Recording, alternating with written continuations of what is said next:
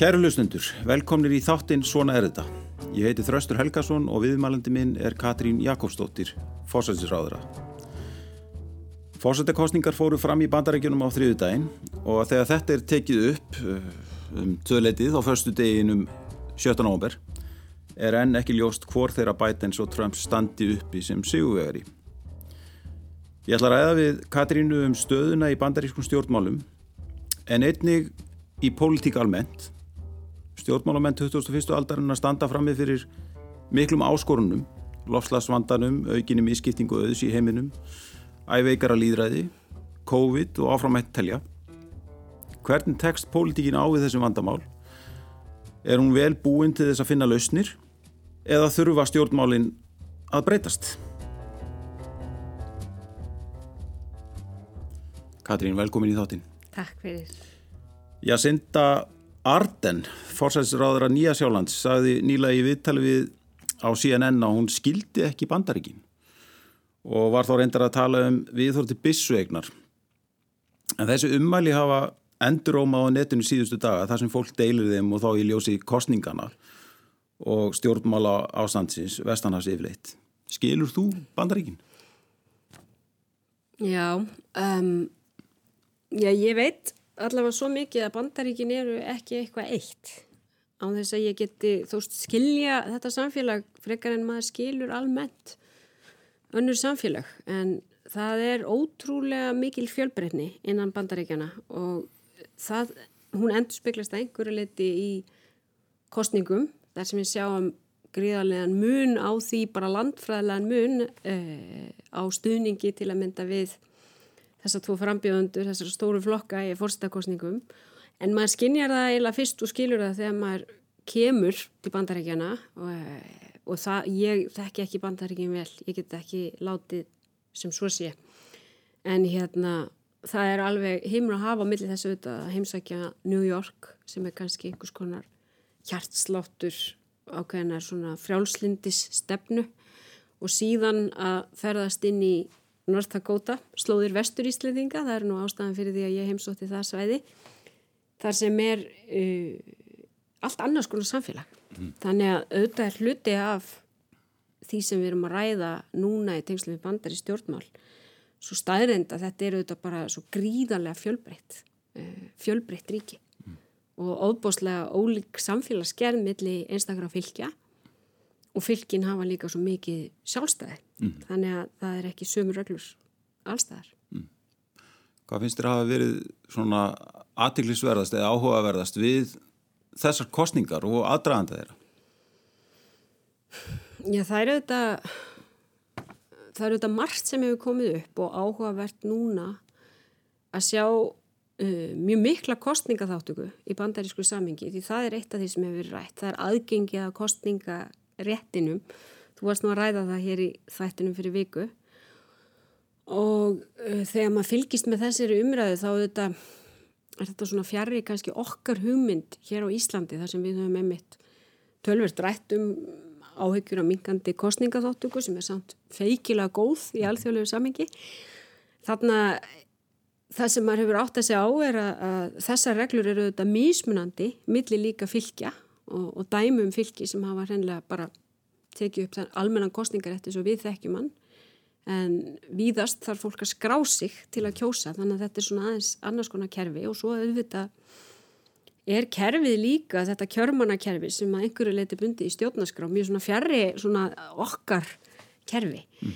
en sjálf baráttan er síðan allt annað mál og hún er þetta já Fannst þið skrítið að fylgjast með baráttunni? í það, sko, kannski eru bandaríkin oft svona íktar í mynd af ímsu því sem við sjáum í eurósku stjórnmálum mm. búið að vera merkilegt að fylgjast með það er náttúrulega mjög svona mikil svona neikvæð kostningabarata sem mm. hefur ekki verið lenskan til dæmis hér á landi mm. þar sem er sko jafnvel eigin flokksmenn Trumps að vera með neikvæðar auðlýsingar um hann í þessu fræga Lincoln Project -hmm. þar sem er bara neikvæðar herrferðir og þetta virðist uh, sömuleiðis, það er svona ofbáslega mikil neikvæð kostningabarta mm -hmm. sem einhvern veginn er mjög fjari mann sömundum um einhverju svona málefnulega umræði og uppnefni og, og, og ég, það var sko, ég flettiði nú upp sko hver mörg uppnefni Trump hefur notað um Joe Biden og það var alveg langur listi af alls konar uppnefni mm. sem hérna einhvern veginn, manni finnst ótrúlega hurðilegt einhvern veginn að sé bara einhvern veginn lögmætt mm. að hérna kalla mótrambjóndan Sleepy Joe eða hvað það er mm. og svo var langur listi Já. af uppnefnum Og þessi barða er, eins og erst að lýsa, hún er mjög personleg. Þetta gengur talsett mikið út á einmitt þessa tvo karaktera sem þarna, og sem er reyndar töluð um það að þessi kostningabarða gengi fyrst og fremst út á Trump og hans personleika. Já, já, já, einhverju leiti og auðvitað er þetta embætti, sko þetta er personlegt embætti. Þú ert að kjósa einstakling sem hefur alveg gríðilega mikil völd. Þannig að einhverju leit er eðlilegt að svona kostninga bara átt að verði persónleg þú ert að velja ekki bara einhvern flokk þú ert að velja einstakling. En uh, síðan emitt hef ég velti fyrir mér hvort að, að allar þessar breytingar bara á, á umræðu umhverjunu sem mm. félast í samfélagsmiðlum það eru auðvitað bjóða líka einhverju leiti upp á umræður sem byggist á upprópunum mm. það sem er bara takmarkað pláss fyrir uh, það sem maður hefur að segja og Trump er auðvitað fræður fyrir að hafa notið Twitter mm. sem mm. sinn miðil og hérna mér fannst einhvern meginn meir sé að hérna eftir að hann var kosin 2016 þá fannst mér næstu því eins og hver einasti fréttatími ríkisútasis á mótnana þegar ég kveiki klukkan sjó á mótnana hæfist á því hvað Trump hefði sagt á týstinu þá um mm. nóttina af því það var alltaf eitthvað nýtt sko. en þetta er þetta tækni umhverfið og miðlunar umhverfið og einhverju leiti er, eru miðlanir að búa til skilabóðin og það svona gerir það verkum að það er óa sjaldan svona klukkustundar langir þættir þar sem fólk situr og ræðir heldur er þetta snýst þetta um að koma hlutunum til skila með mjög mhm. stuttum hætti Já en sko sko er, er nú hefum við kannski eftir að koma betur að því hérna og eftir. Við, við höfum talað um populisma svolítið í þessum þáttum mm hérna á, á, á sundarsmótnum og, og, og, og Trump sem er svona skýr dæmi um það. En maður velti fyrir sér sko er eh, er þetta til marg sem um það að sko samtímin eða pólitík núna þessar, þessar fyrstu áraðið áratuga 2001. aldarinn að sé að kalla eftir sterkum leðtóum og er það kannski bara í samræmi við þessa miðla sem þú ert að Já, einhverju leiti fyrst með miðlarnir bjóða upp á að hérna að uh, það er svona miðlarnir bjóð upp á einföld skilabóð mm. og einföld skilabóð hérna eru það sem auðvitað einkennir að einhverju leiti populisma mm -hmm. og sterkar leðtóa þar sem hérna, einfaldar lausnir eru laðar fram á floknum vandamálum mm -hmm. og þessar lausnir standast svo kannski ekkert mm -hmm. neina skoðun og svo þessi hugmyndreindar um það sem við kallum sterkan leðtói sem kannski er eitthvað bara sem þarf að afbyggja því hvað er sterkur leðtói? Er það sá sem talar sterkast eða er það sá sem nær árangri? Mm -hmm. Og einhverju leiti held ég að það heyru upp á okkur stjórnmálamenn að byggja svolítið þessa hugmyndum hvað fælst í sterkum leittóa. Mm -hmm. er, er þá, er, sko, er hugmyndafræðin einhvern veginn, það var mikið talað um það hérna verið 30 ánum síðan að tími hugmyndafræðin að vera liðin Jú. og hugmyndafræðilega átaka. Er, er við, við bara upplifað það núna? Ég er nú ekki samálað því sko. Það er ekki ég... mikil hugmyndafræðileg umræða þarna í bandarækjunum hefur verið undarfarna mánuði. Ég held að sé alveg heilmikil hugmyndafræðileg umræð mm. en hún auðvitað einhvern veginn kannski hverfurdaldið í öllum þessum háa mm. á, á uh, samfélagsmiðlunum og auðvitað ég menna kapraður fórstöndaefnarna voru heila svolítið eins og hérna svolítið eins og svona, svona einhver stund, einn og hálfur tími af svona upprópunum þannig að hérna, en auðvitað er þar hugmyndafræðileg umræða og auðvitað er þörf á hugmyndafræðilegur umræðu nú sem aldrei fyrr. Þannig að ég held nú að það væri einföldun að segja að hún væri einhvern veginn horfin. En, en á einhverju leiti bjóða þessi miðlar samtímans uh, þeir eru snúast um þessi einföldu skilabóð mm -hmm. Hérna er við sko líklega hafa flestir fylst með Donald Trump síðustu fjögur ári þó nokkur í undrun. Og en maður veldi fyrir sér sko af hverju stjórnmálamæður af þessu tægi kemur fram á þessum tímapunkti bara í vestrætni stjórnmálasögu.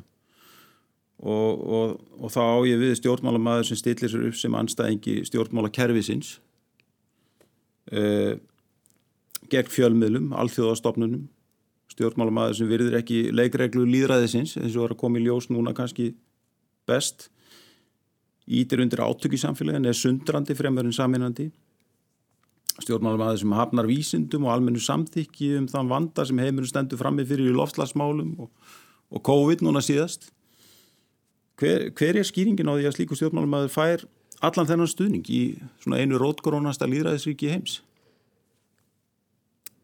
Já, ég held nú að við höfum alltaf haft stjórnmálamenn sem hérna, það er, hafa alltaf verið til stjórnmálamenn sem kjósa að tala uh, í sundur fremur en að tala saman. Mm -hmm.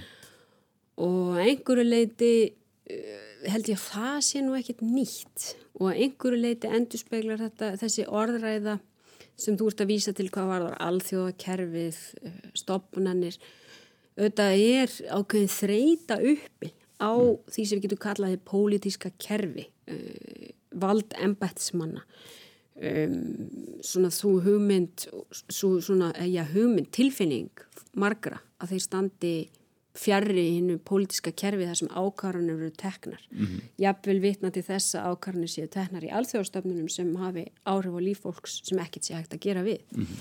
þannig að ég held að það sé ekkit óðurlegt að svo umræða skilir sér inn í pólitískar kostningar hér og þar í heiminum mm -hmm. Og það er líka annað sem ég finnst svona að heyra upp á stjórnmálum en það er auðvitað velta fyrir sér þessu. Ég minna þetta er það sem Evrópa hefur líka verið að tala um að ákvarðanir hafi fæst fjær fólkinu að eh, líðræðis halli enginni Evrópusambandið að það sé vandamála, það séu teknar ákvarðanir sem stjórnvöldi ríkjónum bendi bara til Brussel, mm -hmm. skiljið. Þannig að þetta er ekkit eitthvað, þessi svona, þetta vantröst að einhverju leiti á kerfinu. Mm -hmm ég held að það sé eitthvað sem við sjáum sem er bara hluti af einhvers konar þróun líðræðisins og eitthvað sem líð, og, og við finnum þetta, ég menna við höfum sjálf upplifað þetta hér á Íslandi svona áhuga á auknu almenningssamráði þjóðfundum eh, við höfum fengið okkar svona hérna uppreysnir gegn kerfinu mm -hmm. líka mm -hmm. á Íslandi þegar bestiflokkurinn er kjörinn á sínum tíma og tók allar tók allan málflutning hefbundin á stjórnmálaflokka og, og snýr honum í raun og veru á raunguna mm -hmm.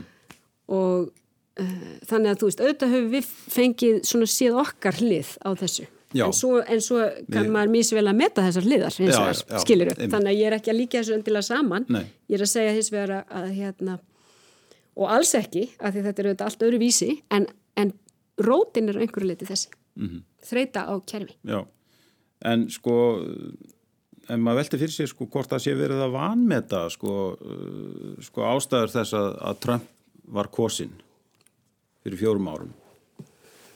Sko er, er, er verið að vanmeta vantrausti á stjórnmálakerfið?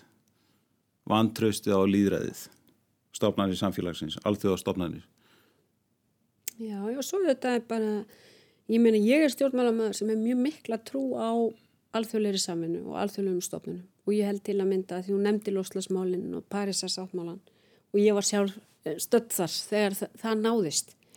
Og mér fannst það alveg gríðarlega svona mikilvægt skref bara fyrir okkur öll að þjóðir mm. heims höfðu náð saman um þetta. Að því ég trúi því að suma álverði bara ekkit list nema með alþjóðleiri saminu mm. að við getum í raun og veru ekkit listu á einhverju eh, bara heima hjá okkur. Að við þurfum að leysa þau miklu, með miklu svona viðtækari sín og þetta fannst mér vera stort augnablík og ofbúslega vonbrið að hérna að hérna að bandaríkinn skildu síðan ákveða að draga sig út úr því samkómulagi hvað svo sem síðar kann að gerast.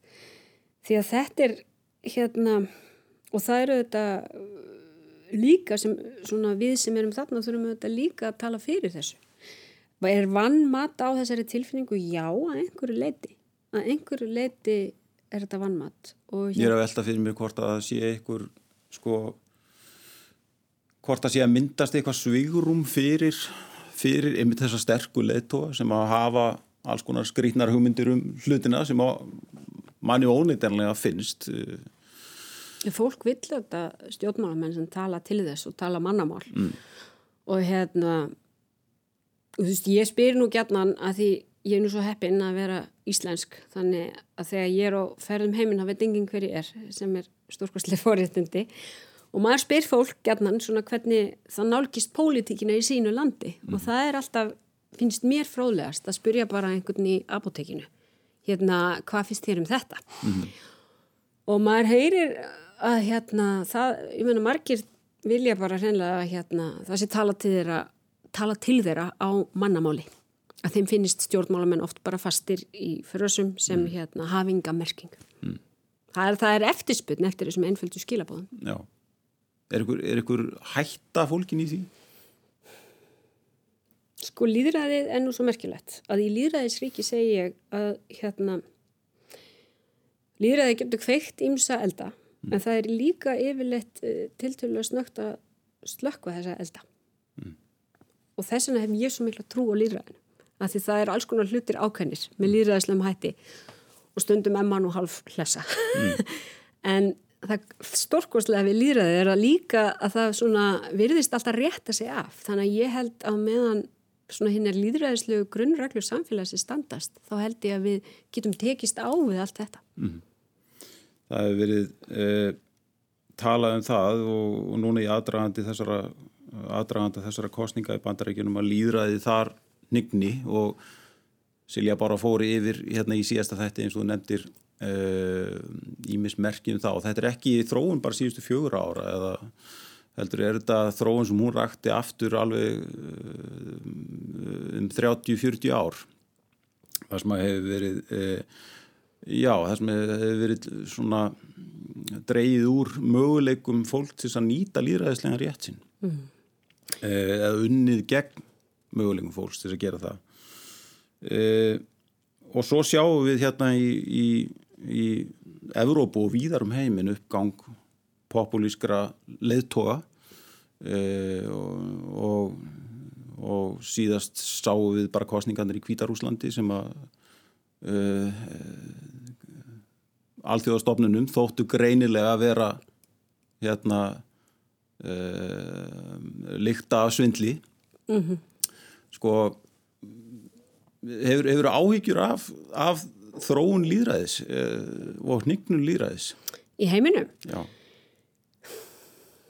Já, sko, ég, það er erfitt að vera dómbær alveg á hérna stöðuna í einstökum löndum ef maður er ekki sérfræðingur í þeim en ég held að hluti af því sem gæti oknað líðræðinu er í fyrsta lagi ójöfnuður mm. Og viða höfum við séð ójöfnuð aukast undanfanna áratíi mm -hmm.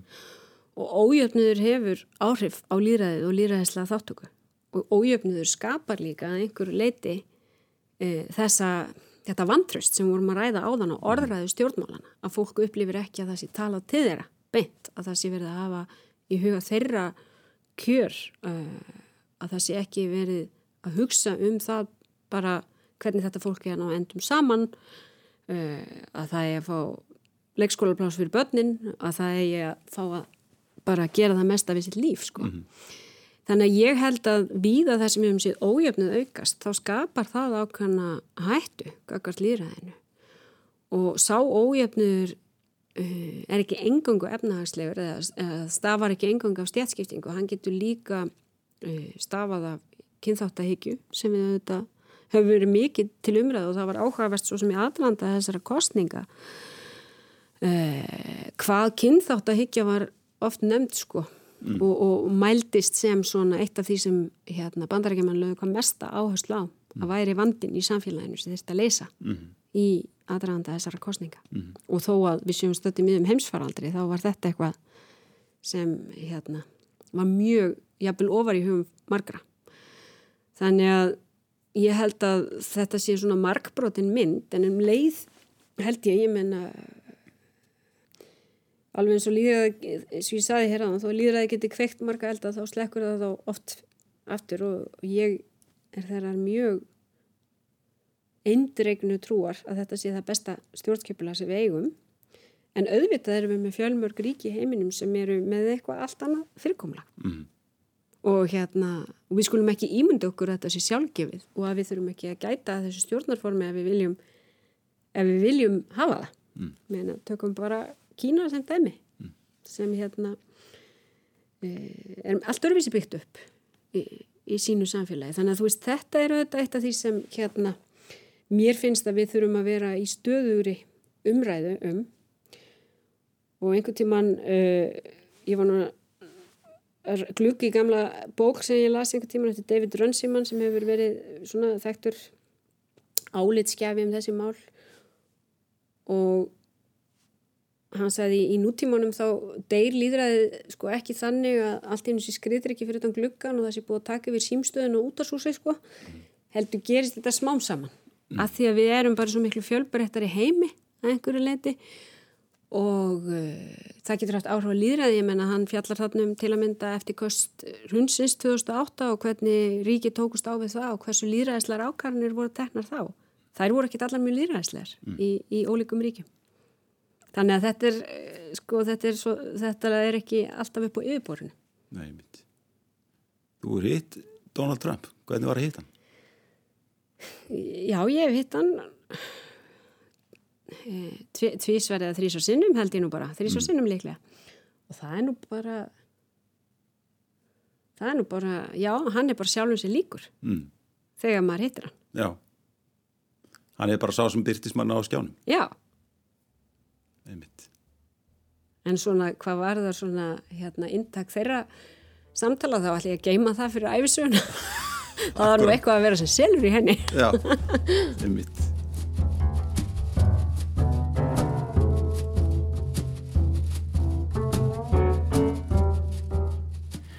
Kæru hlustundur, ég heiti Þraustur Helgason og þið eru að hlusta á þáttinn Svona er þetta. Gestur minna þessu sinni er Katrín Jakobsdóttir, fórsætisráðura. Í þessum þáttum hefur verið rætt við forðnilegt fólk úr ímsum kim samfélagsins um reynslu þess og viðhorf.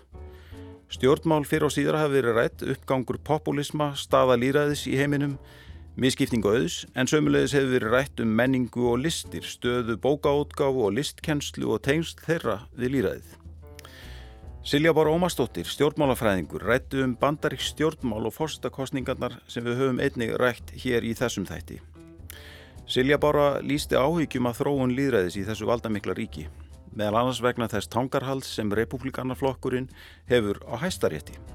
Hægt er að hlusta á svona er þetta í spilararúf og í öllum helstu hlaðarsvitum.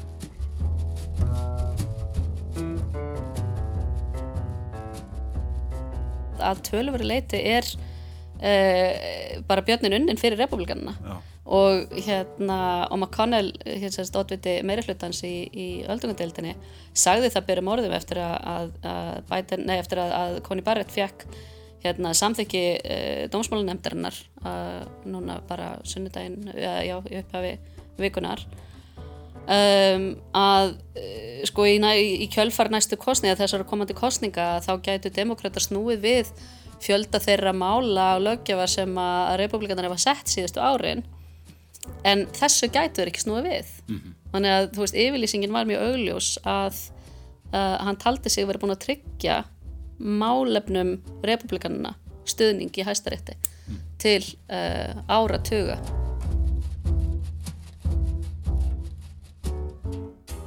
Katrín, hver, hver er og verður pólitík 2001. aldarinnar?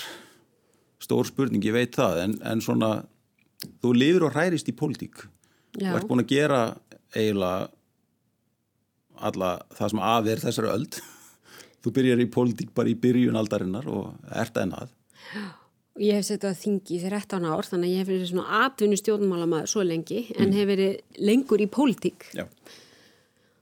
Og ég væri ekki í pólitík nema að því að ég hef trú á því að hún virki mm. og að því að ég hef mjög mikla trú á, á þessu líraðiskerfi sem við búum í mm. og ég hef trú á því að maður geti haft áhrif hvort sem maður heldur um valdatömmana eða er í andstöð þá veit ég að maður getur haft áhrif mm. með sinni rött og ég hef svo oft séð þau merki þannig að, að því við vorum kannski aðeins svona, svona svart sínist nótum hér þann þá hérna held ég að ef maður horfi nú bara aðeins nær sér og veldir því fyrir sér byttu hverju hefur pólitíkin skilað hvaða framförum, þá er alveg óteljandi dæmi bæðum tökum bara kynjajabrittsmál þar sem sko bæði stjórnmálinn og græsrótarhæfingar hafa nátt ótrúlegum árangri mm. með sinni baráttu og það sem ákvarðanir stjórnmálamanna hafa gert gæfu munin og ég segi það gætnan þegar maður spurður ellendist því þetta er nú eitt af því sem Fólk hefur áhuga á víðum heimbtu af hverju skorar Ísland hátt í þessum málum. Það er ekki síst vegna ákvarðana stjórnmálamanna, ákvarðana stjórnmálamanna til dæmis hér í höfuborginni að umbylta leikskólakerfinu þannig að það væri öllum aðgengilegt og þá eru þetta vittni í Reykjavíkulistan. Mm -hmm. Ákvarðana stjórnmálamanna á alþingi og sínum tíma að taka upp fæðingaróla fyrir þar sem feður og mæður þurftu bæði að axla sinn hlut í orlofinu í uppeldi barna sinna þessum fyrstu mánuðum og hvort vekjur pólitískar ákvarðanir, teknara stjórnmálamönnum uh, sem tegja sér endar í tilfellin fæðingarólusins yfir allt litrófið mm. og gera það verkum að, að þetta er beinlinni sko bein áhrif á líffolks og breytir gildismati samfélags. Mm. Þannig að virka stjórnmálinn sem tæki, já, alveg tvímálust, um, en hérna það skortir stundum á að þetta samingi sé einhvern veginn svona sett upp að það sem við erum að ákvæða á þingi það, eða, eða bæjastjórnin eða hvað það er, það hefur bein áhrif á lífsgæði fólks mm. og hamingu og hérna möguleika á að elda drauma sína á tækifæri en pólitík 2001. aldarinnar, ég held að hún verði ekkit ólík sko pólitík 20. aldarinnar eða allra alda uh, að þýleitinu til að hún snýst um þetta sko.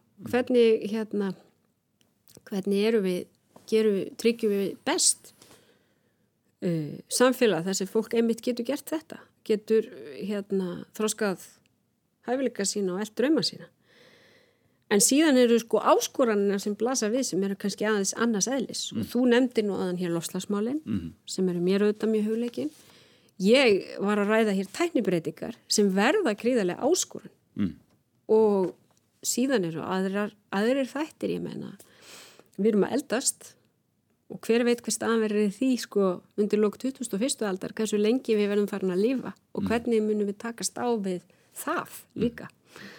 Þannig að það eru óbúslega stórar áskorunir finnst mér sem verða ekki leistar einmitt nema með mjög miklu samtali og samskiptum þjóða. Virkar samtalið í stjórnmálum? Hvernig, hvernig fannst þér að koma inn í stjórnmál og, og fara að að taka þátt í stjórnmálulegri umræðu og samræðu, finnst þér hún virka? Mm, ég, ég menna svona sko Hvernig upplifur þetta? Er þetta, er þetta, er þetta erfitt argaþras? Eh, finnst þér mál reyfast? Sko ég, það er svo margt sem ég get sagt, ég menna þetta, þegar maður fer fyrst inn í stjórnmál þá er maður kannski einhverjum bara skelmingu lostin sko, mm. af því að oft getur harkan verið mikil og og manni líður bara eins og maður sé lífsættu í hverju skrefi sko mm. og svo hérna venst það nú að manni sem betur fyrr mm. en auðvitað er þetta sko stjórnmál eru samtal þú ert í samtali allan daginn þú ert að hlusta á fólk og þú ert að skilja hvað hérna hvað fólk er að segja þér. Þú ert að reyna að hlusta eftir því hvað er ólíkum sjónamöðum til að búa til hérna, bestu lusninar sem nýtist sem flestum. Og þetta og á sama tíma stendur maður fyrir einhverja hugmyndafræði og einhver gildi. Þannig að þetta er í senn þetta samtal við fólk og síðan manns eigin hugmyndafræði og gildi og, og einhvern meina ná að samþetta þetta. Mm. þannig að ég mín svona einfalda skýring á því hvað, hvað hérna gerir góðan stjórnmálamann það er stjórnmálamæður sem hefur hugmyndir og sín en hann þarf líka að áhuga á fólki og vera reyðbúin að hlusta á það þó það sé ekki saman mm -hmm. Og skilir þetta einhverju? Ég nefndi hér áðan kynjaðjafrætsmálin en við getum tekið annan málaflokk sem hefur tekið stakkaskiptum frá því að bara, bara ég byrjaði að, sko, að skipta mér að politík og það eru umhverfismál. Það er fáið málaflokkar sem hafa sko, breyst ég mikið færst frá því að vera algjört jáðarmál einhver, einhverja svona servitringa yfir í það að vera málið sem allir tala um á öllum alþjóðlegum fundum og allir er að reyna að finna lausnir á. Og það er aldrei merkilegt að hafa Benilins upplifað þessa breytingu. Mm. horta á hana. Mm. þannig að skila samtalið einhverju, já, alveg tvímarhæfist hérna við, við stöndum nú frammi fyrir einni þessara spurninga eða vandamála akkurat núna sem er COVID Já. faraldurinn. Og, og engin er útastáttur nema rætt sér um COVID, Nei, segir nú bara. auðvitað ekki. Og, og, og, og þar þetta er svona dæmi um vanda sem við höfum svona augljósar vísindarlegar lausnir á. Og, og það má rósa hérlendum stjórnandi fyrir að hafa fyllt þeim svona vísindarlegu ráð, ráðleggingum en sko munurinn á COVID og, og lofslagsvandanum sem þú nefndir uh, er svo að ef við breyðust ekki hratt við COVID þá mun fólk deyja bara á næstu dögum og vikum uh, lofslagsvandi mun hins vegar takmarka afkomum möguleika mannsins og jörðina á næstu áratugum og öldum. Er þetta hugmynd sem pólitíkin á erfitt með? Ég held að pólitíkin, sko, við sem erum í stjórnmálum erum alltaf takmörkuð af þeirri staðrind að við erum öll bara fólk og manneskjur. Og fyrir okkur sem manneskjur þá vitum við alveg að, að það er öðruvísi viðbröð við því þegar einhver, hérna, þegar aðst, sko, lífsætt að stæðjar aðmanni í augnablíkinu eða ákvörðun kannski sem getur vissulega valdið lífsættu eftir 20 ár það, það, það eru ólík viðbröð og við bara getum tekið líðhelsuna sem dæmi þar sem við erum auðvitað talandum áskoranir að hérna sem við sjáum sko lífstilsjúkdóm að vera í raun og veru stæstu helsufarsóknina svona held yfir. Uh, og þeir eru einmitt flóknir að því að áhrifin byrstast ekki strax. Og það veldur því að hérna að einhverju leiti er hefðun fólks að valda valda því lífsættu setna meir. Og það sama má segja um loslasmálin mm. og þetta er auðvitað hérna flókin skilabóð að, að hérna miðla en samt sem áður er það nú svo að því ég nefndi nú að ég hef nú verið í París á sínum tíma og fylst með af hlýðalínunni þessum viðburðum sem urðu eftir marga marga loslasfundi sem hefðu ekki skilað árangri mm. af því þetta var auðvitað ekki eins og þetta væri fyrsti fundurinn. Það voru búin að vera stórir loslasfundir þar sem ekki að það nást árangur. Mm. Og mín tilfinning er að þetta hefði í raun og veru skilað því þegar, frá því að þetta samkómulega er þeir sem hafa gaggrind það alþjóðarlega stopnarnir og samkómulega skil ekki árangri sjáum við í raun og veru bara stakka skipti í stefnumótun ríkja og stjórnvalda í því að fólk er allstaðar að setja niður ekki bara stefnur heldur aðgjörðir og, og það er að breyta uh, hérna forgangsröðum fjármuna svo dæmi sér tekið. Mm. Sem, sko, þannig að þetta er auðvitað til marksum að þó að hættan sé ekki núna, mm -hmm. þá eru stjórnvöld mjög víða í heiminum að taka hann alvarlega mm -hmm. en alls ekki næjálega víða -hmm. og það er auðvitað töluvert umhugsunar efni að fréttina sem bárist í sumar af hraðari bránum grænlandsjökul sem við höfum áður áður hérna spáð segja okkur auðvitað bara hvað hættan er mikil og brín og hérna og þess vegna er svo mikilvægt að við séum að vinna þetta eins uh, hratt og við getum mm. og við erum ekki að gera það í dag við erum ekki að vinna næjanlega hratt sem heimur mm. að því að breðast við loslasvani uh, Bandrækjumenn sögðu sig úr eða frá Parísasáttmálunum og kostninganótt Hvað áhrif hefur það inn, inn í þetta samtal og þetta samhengi?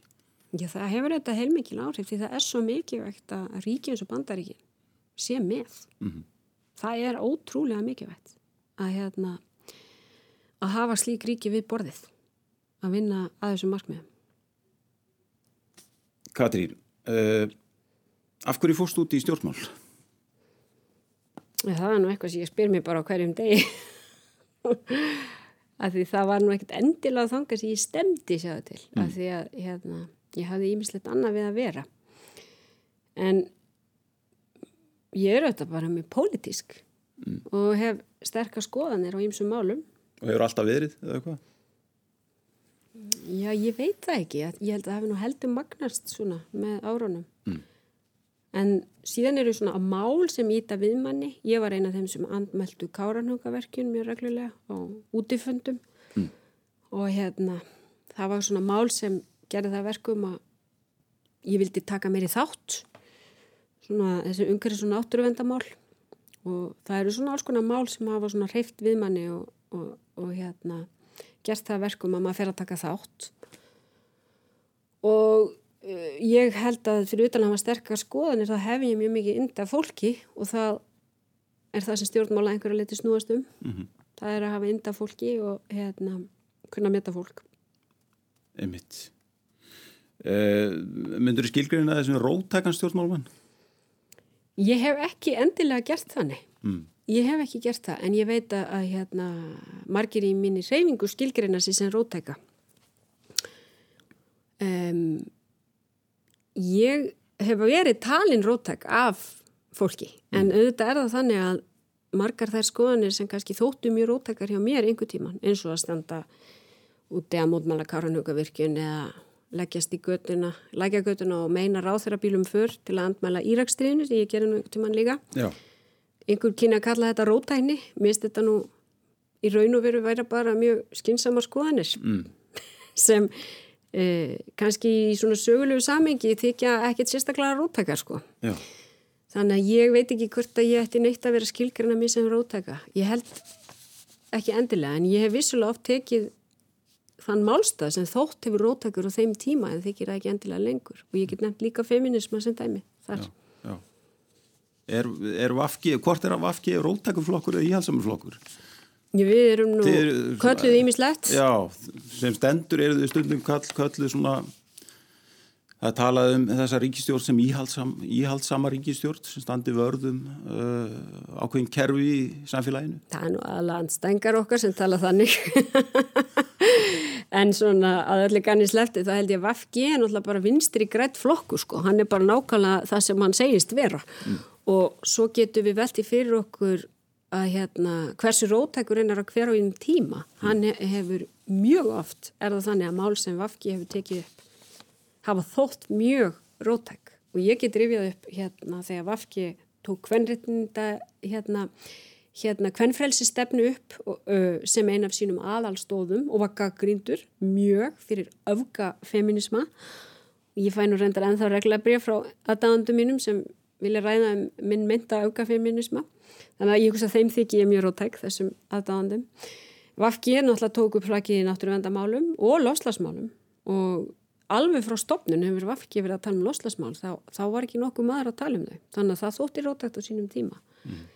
þannig að við höfum auðvitað verið flokkur sem hefur gengið langt í því að lifta málum. Og ef ég tek núna þau mál sem við höfum verið að setja á daskra og þá get ég nú tekið mál sem ég verið að berjast fyrir og var samþitt og alþengi hér síðasta vetur sem eru lögin um kynrænt sjálfræði og Íslandingar eru svo að uppistuðu til umburðalindir að þeim fannst þetta eiginlega alveg, alveg sjálfsagt en þetta þykir rótæk lögjöf ef við hérna víða um heim mm. og snýstu auðvitað um að fólk geti bara ráðið því sjálft mm. hvaða kynið það til erir eða kannski einhver þannig að, sko ég held að það sé kannski erfitt hugtak að nýta rótæknu það er alltaf erfitt hugtak að nýta þegar þú ert í ríkistjórn því eðlumál sangant er það bara aðeins öðruvísi verkefni mm hættur en að vera í stjórnaranstöðu og ég sagði þannig þegar ég var formað stjórnaranstöðuflokks þá var verkefni einfallega að taka síman og segja nei, mér líst ekki á þetta. Við öllum spurningum sem Já. fram voru borðnar auðvitað mikil einföldun en hérna en hérna þannig að það er aðeins öðru vísi nálgun skulum við segja Já.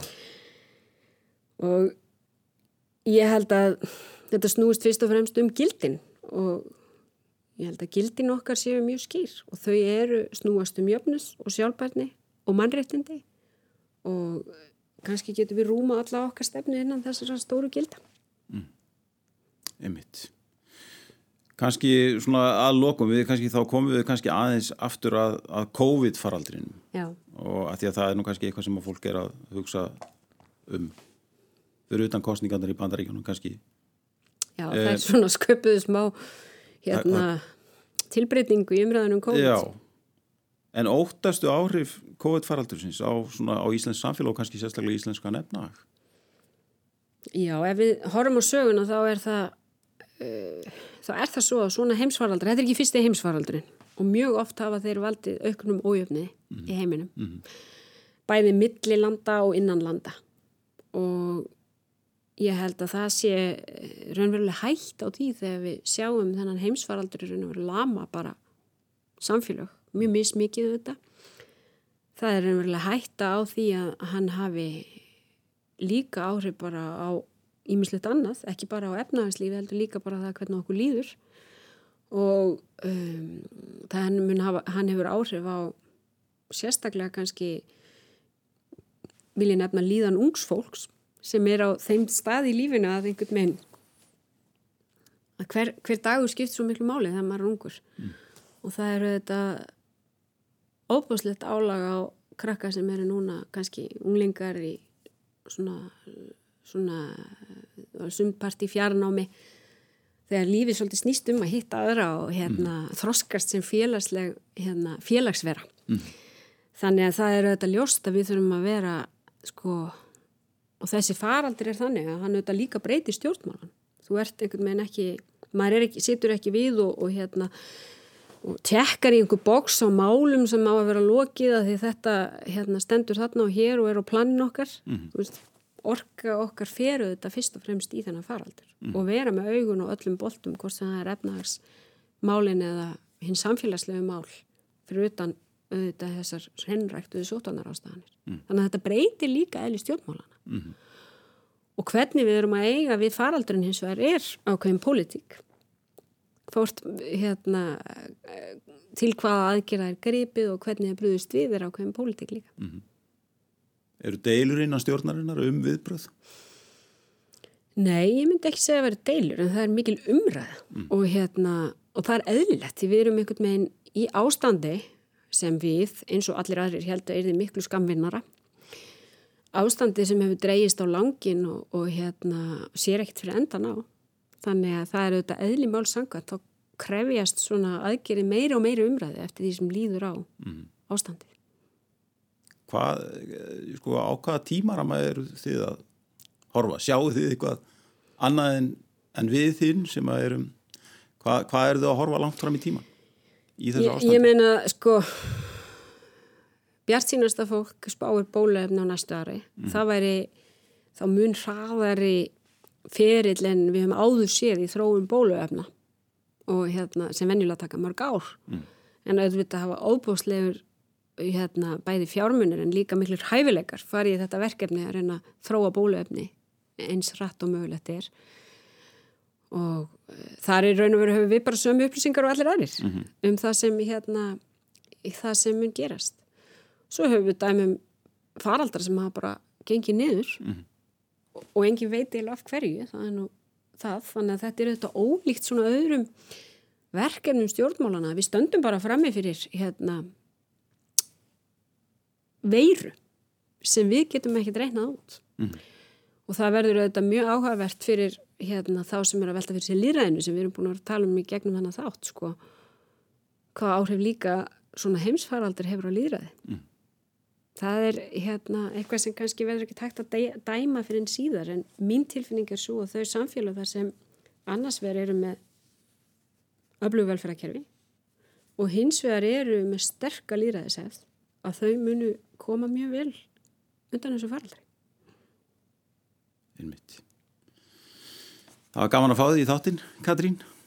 Takk uh, fyrir að bjóða mér. Gangiði vel í þínum mikilvægu störfum. Sem og takk fyrir komuna. Takk. Kæru hlustendur, við verum hér aftur að viku liðni.